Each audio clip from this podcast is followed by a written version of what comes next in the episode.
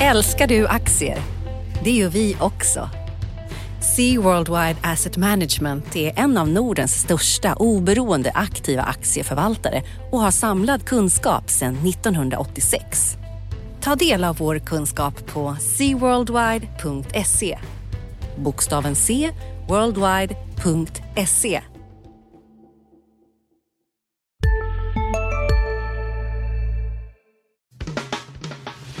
Analyspodden från Dagens Industri. Välkommen till Analyspodden. Det är alltså Dagens Industris podd om börs och makro. Eh, jag heter Agneta Jönsson och jobbar som analytiker på Dagens Industri. Och med i studion här idag har vi Felicia Åkerman som jobbar som reporter och makroexpert. Välkommen får jag säga till dig. Och det är faktiskt så att vi stod här och poddade den 25 oktober, nästan för exakt en månad sedan. Och då var ju OMX S30 precis som det är nu, 1732. Så egentligen mm. har det inte hänt någonting sedan dess. Eller? Nej, lite, alltså lite saker har väl hänt. Men eh, på börsen verkar det inte ha hänt eh, supermycket om man summerar alltihop i alla fall. Nej, just senaste månaden så har det varit lite små rörelser, det har gått lite sidledes, man behövde smälta den här stora uppgången i oktober. Vi är ändå upp 23 procent i år, måste man väl säga ganska hyggligt. Ja, absolut. Men vad har hänt på ditt område här i denna veckan? Eh, en hel del har hänt på mitt område. Vi fick ju bland annat KI-barometern igår som eh, vände upp lite. Det var 94 förra gången, blev 94,7 den här gången. Så det var ju positivt att man ändå såg en uppstuds där. Däremot det som verkligen stack ut var att hushållen är fortfarande så himla negativa. Både, man har ju det här som kallas makroindex och mikroindex där. Och mikroindex är synen på den egna ekonomin och makroindex synen på den svenska ekonomin. Och synen på den svenska ekonomin har varit ganska dålig under ganska lång tid. I princip sedan starten av 2018 så har det legat under 100, vilket då i KIs beräkningar ska vara ett sorts normalläge. Så är man under det så är det liksom lite dåligt. Eh, båda de här föll, eh, mikroindex föll desto mer.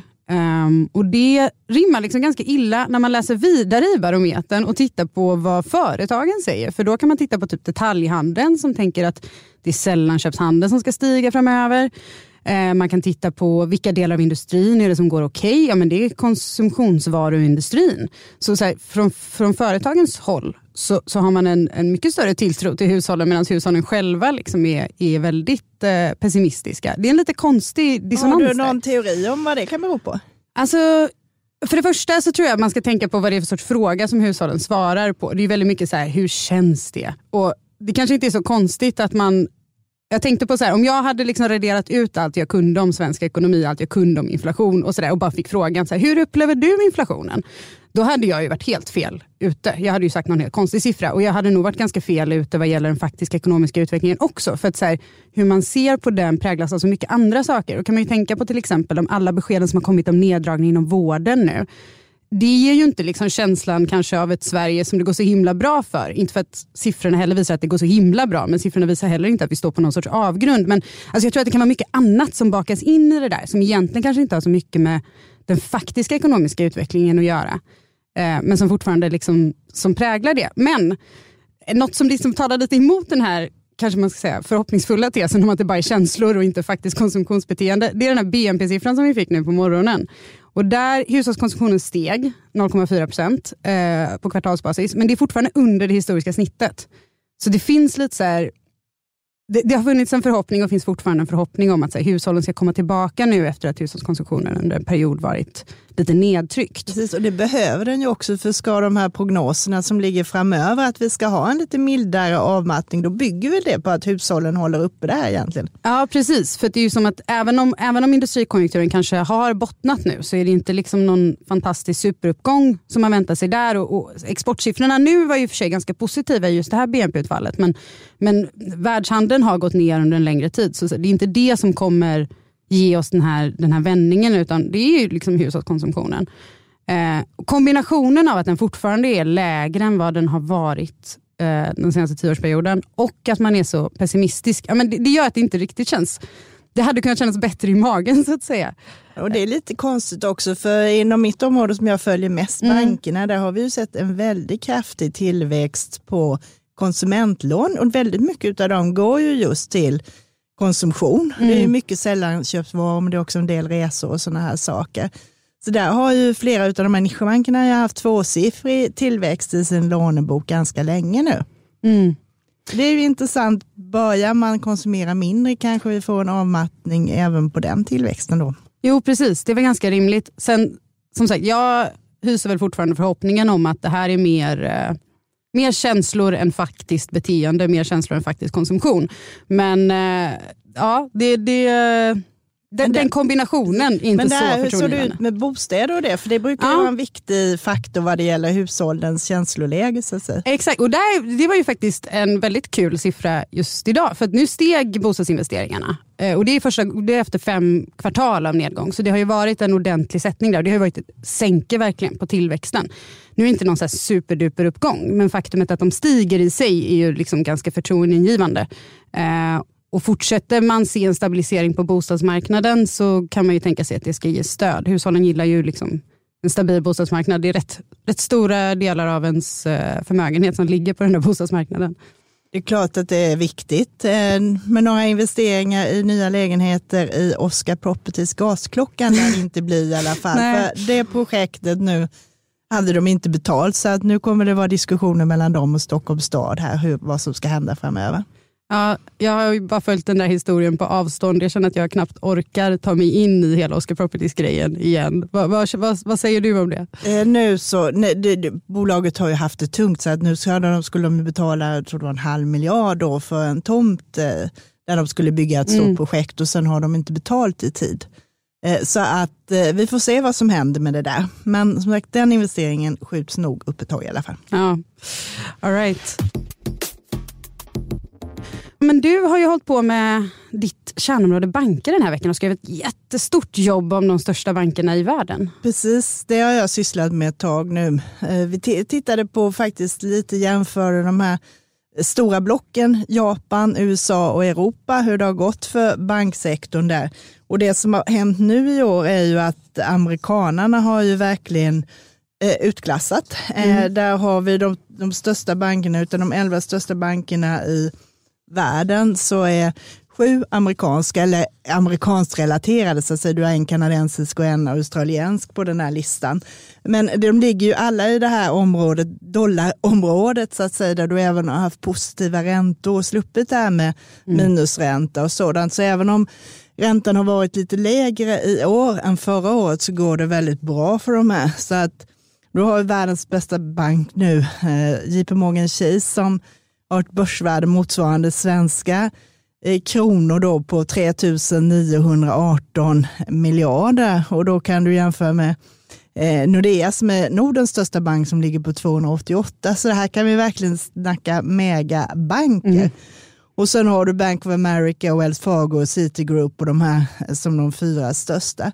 Och Citigroup är faktiskt den som har gått bäst på börsen också. Där, och räknar vi om det till svenska kronor så har du en kursutveckling på 55 procent i år. Så att eh, det är dels en effekt av valutan, den gör väl 10 procent ungefär. Men även om du ser det i amerikanska pengar så har eh, bankerna gått bättre än index i USA i år. Det kan man inte säga om Europa och i Norden eller Sverige heller, där vi har haft det riktigt motigt. Så att det är lite intressant att se. Nu kanske vi kan få här eh, framöver också att vi ser att det börjar vända runt lite. Du ser en storbank i Europa, eh, franska BNP Paribas har vänt runt lite och där har vi haft en uppgång på 34 procent i år. De hade väldigt motigt förra året. Så att jämför du med toppen så är de ändå ner 25 procent. Men där börjar det peka åt eh, rätt håll och du har en rimlig värdering och sådant. Så att man kan säga att kanske lite gröna skott att som på aggregerad nivå så kanske du får en bättre utveckling av banksektorn i Europa i nästa år.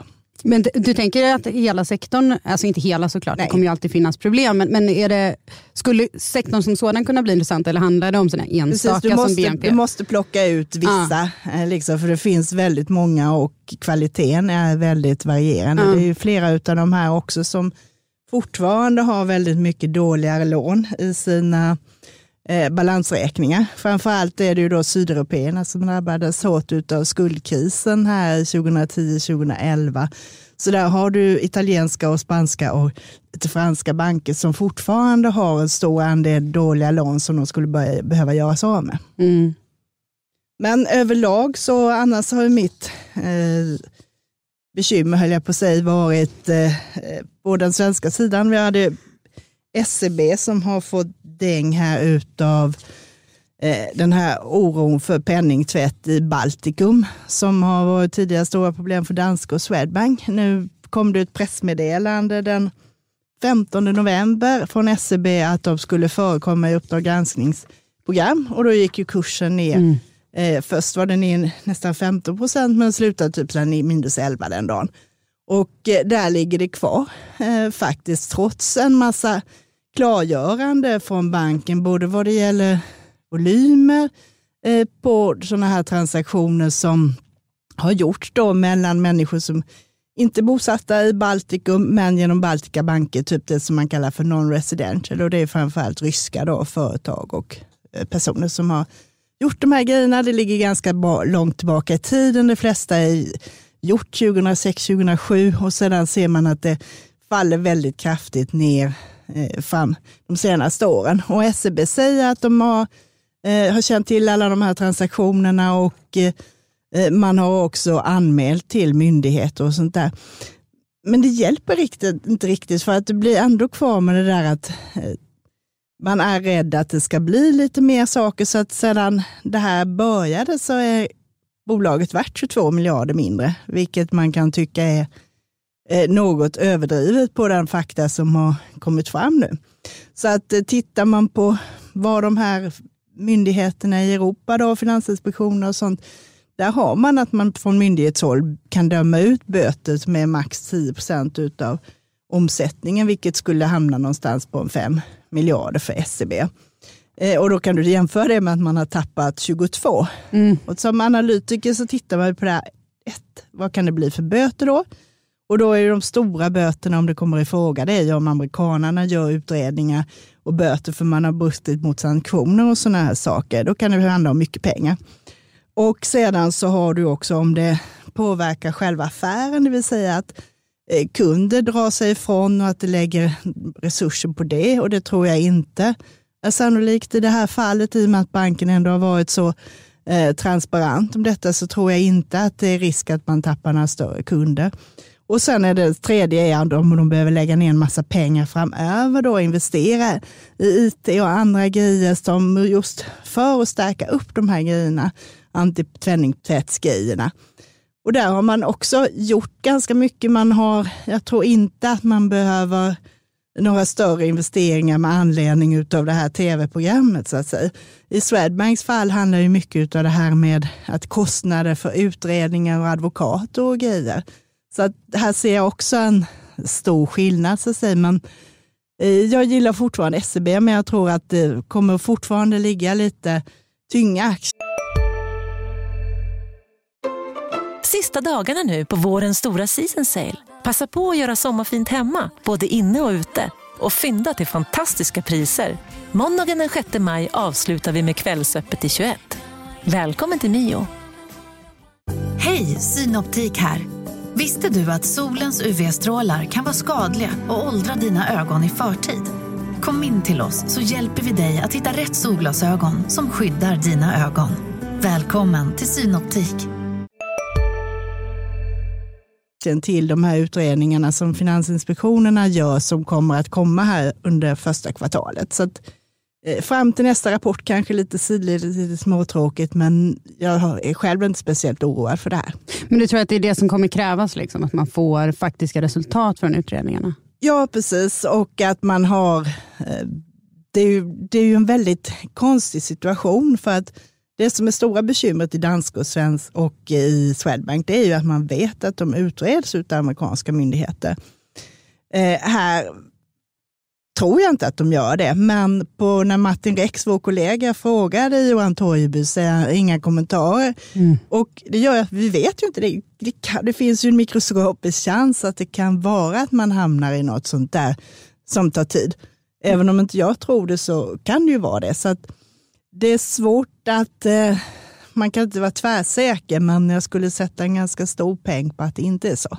För man kan ju tänka sig ett scenario där man får liksom eh, helt okej tongångar från till exempel Finansinspektionen, men att man inte riktigt har lyckats bli av med den här oron för amerikanerna och att det då ligger kvar, eller? Nej, och det kan ju också vara så att eh, om man får sådana här utredningar klara och de säger att det finns ingenting så kanske man är så komfortabla från banken själva också att man går ut och säger att det finns inget. Mm, mm. Det utreds inte, då kanske man vågar säga det, men det är ju också en väldigt svårt det här med eh, kommunikationen, vad man ska säga och vad man ska inte ska säga. Och sen har du eh, som extra lager på det här, det här med banksekretessen, att man inte kan gå ut och prata eh, om saker och ting heller.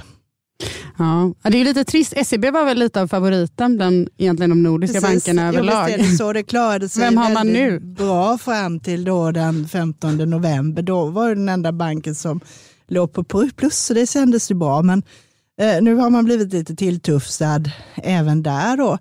En annan favorit faktiskt, norska DNB, som också har gått väldigt bra nu, har också tyvärr råkat i blåsväder här nu senaste dagarna.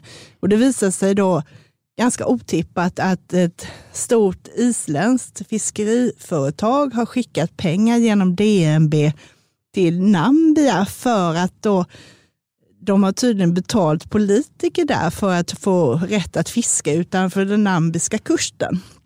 Och då i och med att transaktionerna sägs ha gått via DNB så är man då också, det är också ett land med sanktioner, så att då håller man ju också på med att eh, utreda det här nu, utan den norska finanspolisen håller på att titta eh, på det här och nu är aktien ner 6% på det idag. Alltså är det här det nya normala för nordiska banker? Att förr eller senare så dyker det upp någon nyhet om att man har varit medhjälpt till mutor eller hjälpt folk att tvätta pengar. Får vi bara vänja oss vid det här nu? tror det, det har varit mycket eh, internationellt, fast det, nu har det liksom varit väldigt mycket fokus på Norden de mm. senaste året. Här, men utomlands är det ännu större. Eh, Australiens största bank Westpac, de mm. erkände 23 miljoner brott mot penningtvätt. Det är ju ganska stora och det gör ju också att de fick problem med stora, de håller på med emissioner, så att de fick lämna tillbaka pengarna nu mm. i en emission på grund av det här. Och där är du, en av de här bankerna som jag skrev om också, eh, japanska Mitsubishi UFG som kallas för MUFG som förkortning. De utreds av amerikanerna för de ska ha gjort affärer i Nordkorea då, som också är sanktioner. Mm. Och då hade just eh, BNP Paribas som vi pratade om tidigare, fick härom året då stora böter från amerikanskt håll för att de hade gjort bidragit till affärer i Iran och något eh, afrikanskt land också. Så det, är, det är ett globalt problem. Mm. Det är inte lätt att vara bankanalytiker. Det är inte lätt att vara, de här grejerna som sagt var väldigt, som utomstående så kan du liksom inte hitta sånt. Du kan anta att alla har något men det man ska tänka på också när man tittar på de här tv-programmen, det är ju att som sagt var att regelverken har ändrats väldigt mycket under de här senaste åren och de sista stränga regelverken, eh, då det var så fjärde penningtvättsdirektivet, det beslutades i EU 2015 men det infördes till exempel i Baltikum 2017, 2018. Så att mycket av de strängaste grejerna är ganska nya saker. Mm. Ja, vi får se vad som dyker upp i nästa bank helt enkelt. Så att nu hoppas jag att vi kan få lite julefrid även ja. på det här området. Och det vore skönt att få det avklarat och eh, kunna rensa bordet och börja om och titta på hur bolagen, på den normala verksamheten istället. Ja, visst. ja det är förståeligt. Du har en stor dag på måndag, vad händer då? Industri-PMI för hela slanten. Det är ju, eh, de har ju en förmåga att komma alla precis samtidigt. Eh, och Det är en sån vecka igen. Det ska bli väldigt intressant att kolla på faktiskt. Eh, särskilt eftersom vi har sett lite första känningar på att man, man kanske har nått botten i, i eh, nedgången i den europeiska industrin. Eh, så det blir, alla sådana siffror just nu är väldigt intressanta för att se, dels har vi faktiskt nått botten, eh, för det är lit, fortfarande kanske lite tidigt att säga. Och sen också för att se vad det är för sorts utveckling som kommer efter. Går vi liksom helt rakt som någon sorts liten slamkrypare där nere? Eller kan man tänka sig en liten rekyl uppåt? De flesta är väl inte så optimistiska kring det, men det kommer bli intressant. Och sen såklart så kommer ju då även eh, ett par dagar senare en stor eh, kavalkad. Och de blir ju intressanta lite av samma skäl. Vi ser ju fortfarande liksom vissa tecken i andra länder på den här smittoeffekten mellan industrin och tjänsterna. Um, så det är alltid värt att hålla ett öga på. Precis, och här var väl lite dystert. Eh, vad jag för mig så var i Sverige under den här viktiga 50-nivån mm. här de senaste månaderna. Och precis, både på industrisidan och på tjänstesidan. Jag för mig att vi var 49,5 på tjänstesidan i senaste utfallet. Nu ja, kommer jag inte riktigt ihåg mm. exakt den siffran. Det var det, för jag har skrivit upp den. Det var 49,5 och i september var det 49,8. Ja, men då så. Ja, nej, men det, det är ju inga liksom, jätte jätterörelser där, men, men att den ligger under är ju såklart uh, inte så bra. Nu krävs det ju inte heller jättemycket för att man skulle komma upp över igen, men ja, det, det, det är värt att hålla koll på. Det är ändå en markering att det mm. är lite avvaktande och lite Exakt. bekymmersamt. Exakt. Och eh, sedan har du, kan man väl säga, stora finalen ja. fredagen där för dig. Jag blev helt chockad när jag insåg att det redan är dags för amerikansk sysselsättning igen. Eh, tiden går så himla fort. Eh, men det är dags. Eh, det har ju varit eh, ner Eh, Eh, de senaste månaderna. Båda de två senaste så har vi sett minskningar, även om man väl har legat okej okay jämfört med förväntningarna. Förväntningarna har varit väldigt lågt ställda också. Jag minns inte om det var förra eller förra, förra månaden som det var liksom den lägsta förväntansbilden under ett kvartal som inte hade påverkats av typ en ett naturfenomen som en orkan på typ tio år. Och sånt där. Eh, nu är det lite högre förväntningar. Det är fortfarande en vecka kvar och man får ju lite andra siffror i veckan som leder fram till NFP som verkligen kan skifta förväntningarna ganska mycket. Men när jag gick in och kollade nu så låg det på 190 000 vilket skulle vara ett ordentligt kliv upp från de 128 som vi såg förra gången. Uh, så det, ja, det ska det bli intressant. Det är väl viktigt, för det är väl en sån här siffra som Fed håller ganska bra koll på. Absolut, också. verkligen. Uh, och det är ju, för närvarande så signalerar ju Fed att de har inga planer på att göra någonting på ganska länge och det krävs en eh, citat materiell förändring av utsikterna. Eh, och det finns ju lite så här, man tenderar ju att fokusera på sakerna som sticker ut när det gäller centralbankerna eftersom vi har ett par personer som sitter i Fed-direktionen, eh, eller som, som sitter och, och är med och bestämmer räntan, eh, som har avvikit och låtit lite mer hökaktiga så fokuserar man gärna på det men man ska också komma ihåg att så här, det totalläget på Fed är fortfarande så himla stimulerande. Um, så det, sådana här grejer, särskilt en sån grej som NFP eller en sån grej som uh, Personal Consumption Expenditures, deras favoritmått på inflation. Uh, jag, jag, tror att det inte krävs kanske supermycket på dem för att man ska höra lite andra tongångar. Så det blir väldigt intressant att kolla på. Mm. Sen eh, kommer det faktiskt, det händer lite grejer på bolagssidan också, inte så jättemycket. På måndag kommer industrivärden med substansvärde, det gör de varje månad och det som kan vara intressant att titta på där är lite hur det har utvecklats. Vi har sett att aktien har gått upp för 5 procent senaste månaden medan index gått ungefär stilla. Industrivärden är jättetunga. Det är ju Sandvik som man faktiskt det, håller på att öka i också nu som väger över 20 procent mm. av bolaget. Den har redan gått upp 40 procent i år. Och du har Volvo är väldigt tung också 20 procent och Essity och alla de här har gått eh, strålande. Och vilket gör att eh, du har ändå, liksom, trots att Handelsbanken varit dystert, eh, som också en tung investering, så har eh, liksom, industrivärden hållit jämna steg med index i år. Det som man ska hålla koll på är hur den här rabatten utvecklas, då, skillnaden mellan substansvärde och eh, aktiekurs. Och den var ju då i oktober 14 procent. Så kryper den neråt för mycket så ska man börja fundera kanske på att lätta. Medan när den ökar liksom ska man titta på om man vill köpa lite fler aktier. Mm. Så den är ganska bra att handla på. Mm. Så Det kan vara en grej att titta på hur det landar där. Eh, och sedan så har vi en massa kapitalmarknadsdagar. På onsdagen så får hugade analytiker och investerare åka till Oxelösund och titta på hur SSABs produktion fungerar där mm. till exempel. Och eh, de kanske också pratar om det här att de ska bli först i världen på fossilfritt stål år 2026. Det var kul att veta lite mer om det. Och sedan så har vi på torsdagen eh, så är det både Axfood och Alfa Laval och Securitas som har kapitalmarknadsdagar. Så kanske inga jättestora nyheter, men det blir ändå liksom lite extra intresse mm. runt bolagen och det där. Och sen kommer Clas Olsson med rapport på onsdagen. De har ett brutet räkenskapsår så att de kommer nu, deras andra kvartal. Så att eh, samtidigt presentera de försäljningen för november och det ger ju också en liten indikation på hur julhandeln har startat. Och mm. Så det finns lite saker att hålla koll på. På torsdagen kommer det rapporter från SAS och System Air också. Just det, vi har inte ens alls pratat om den här SAS-relaterade nyheten i veckan att Norwegian lägger ner en massa av sina långflygslinjer. SAS gick väl upp på det va? Ja, det är ju mycket av de där som är eh, lönsamma, så mm. att det blir en minskad konkurrens från Stockholm för deras del helt enkelt. Framförallt har ju Norwegian flugit mycket på det Thailand och mycket Asien. Mm. Mm. Ja, men vi får se, eh, kanske finns anledning att komma tillbaka till det när de släpper sin rapport helt enkelt. Ja du, ska vi sätta punkt där kanske? Jag tycker det. Det får räcka för idag. Ja. Nu tycker jag vi får ta helg här också. Ta lite nya krafter så du är pigg på måndag och griper dig an Redo, exakt. Ja, eh, och man kan ju, om man har mycket tid i helgen, lyssna på lite av våra andra poddar.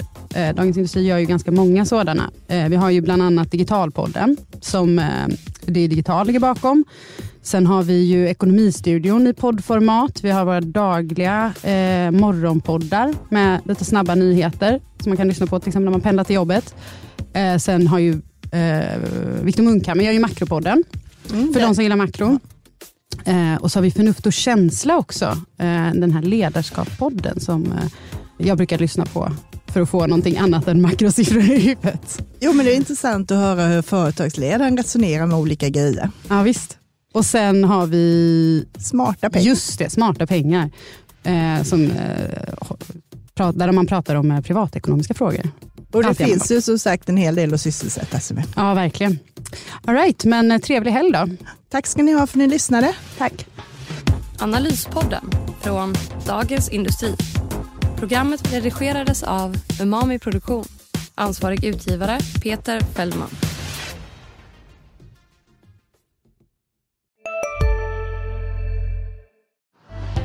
Älskar du aktier? Det gör vi också. Sea Worldwide Asset Management är en av Nordens största oberoende aktiva aktieförvaltare och har samlad kunskap sedan 1986. Ta del av vår kunskap på seaworldwide.se. Bokstaven C, worldwide.se